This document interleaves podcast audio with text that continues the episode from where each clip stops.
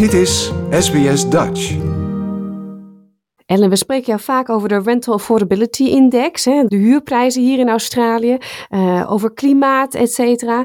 Maar nu wil ik het even met jou over iets anders hebben, al heeft het wel met het eerste een beetje te maken. Jij gaat um, ja, iets, iets speciaals doen op 27 mei. Vertel. Ja, ik ga een nachtje op straat slapen. uh, dus dat is een uh, actie die uh, opgezet is door Hobart City Mission. Omdat er steeds meer, vooral jonge mensen, op straat belanden. Omdat er geen huizen voor ze zijn en ze geen onderdak kunnen betalen. Dus we proberen wat geld bij elkaar te zamelen. En ja, ik ga dus een nachtje op straat slapen. Samen met volgens mij wel iets van 50 andere mensen, denk ik. Hmm. En is het een plekje die je zelf kan uitkiezen of word jij ergens neergezet door de organisatie? Nou, het is eigenlijk wel een beetje luxe ben ik achtergekomen. Want ik dacht van, oh, ik hoop niet dat het zo gaat regenen zoals afgelopen weekend.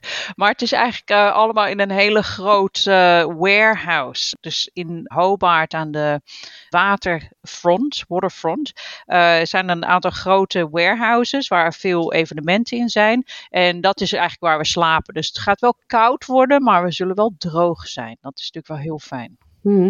Is dit echt iets van de laatste jaren? Zie je echt dat veel jonge mensen, misschien zelfs wel gezinnen, op straat terechtkomen?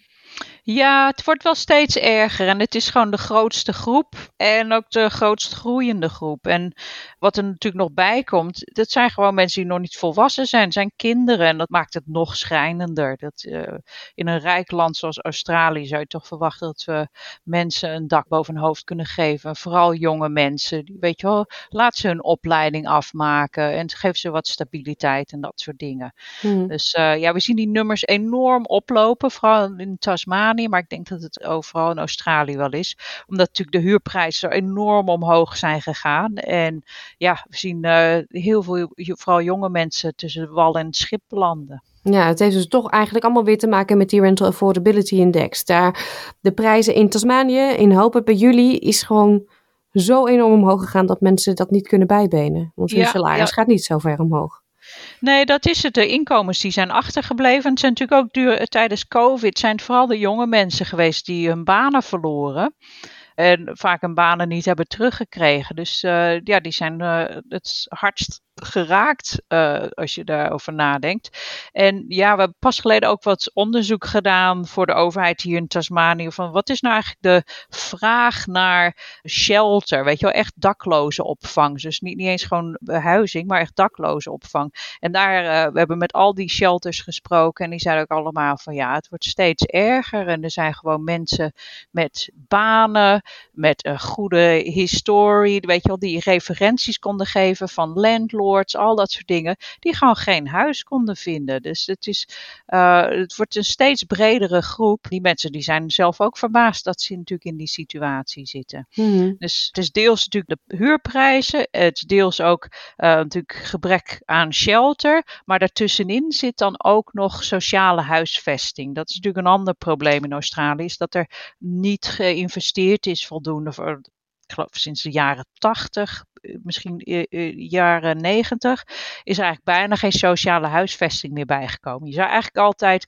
ongeveer 10% van alle huizen, van je hele huizenvoorraad, zou eigenlijk sociale huurwoning moeten zijn. En wat we zien is dat het sinds early uh, 80s is het teruggelopen van ongeveer 10% naar 3%. Dus dat is natuurlijk ook een hele grote terugval. En al die mensen die uh, eindigen ook op straat. Of die slapen bij mensen op de bank. Of er zijn te veel mensen in een huis. En dan heb je natuurlijk ook geen privacy. Nee, nee. Hoeveel mensen gaan er met je meedoen? Um, ik geloof, en dan moet, ik nog straks even terugkijken, want er iedere dag komen nog een paar bij. Um, maar het ziet eruit naar ongeveer uh, 50 mensen die echt uh, fanatiek bezig zijn. en ja, misschien dat het wel oploopt uh, tot een 100 of zo. Dus ja, zijn, het loopt goed op. En ik geloof dat we nu op ongeveer, wat is het, 35.000 dollar zitten. En het doel was 50.000. Dus ja, er is nog even te gaan. Ja, um, mensen die zitten te luisteren en denken, nou, ik wil eigenlijk ook wel meedoen. Waar kunnen ze zich aanmelden? Kunnen wij een linkje op onze website zetten?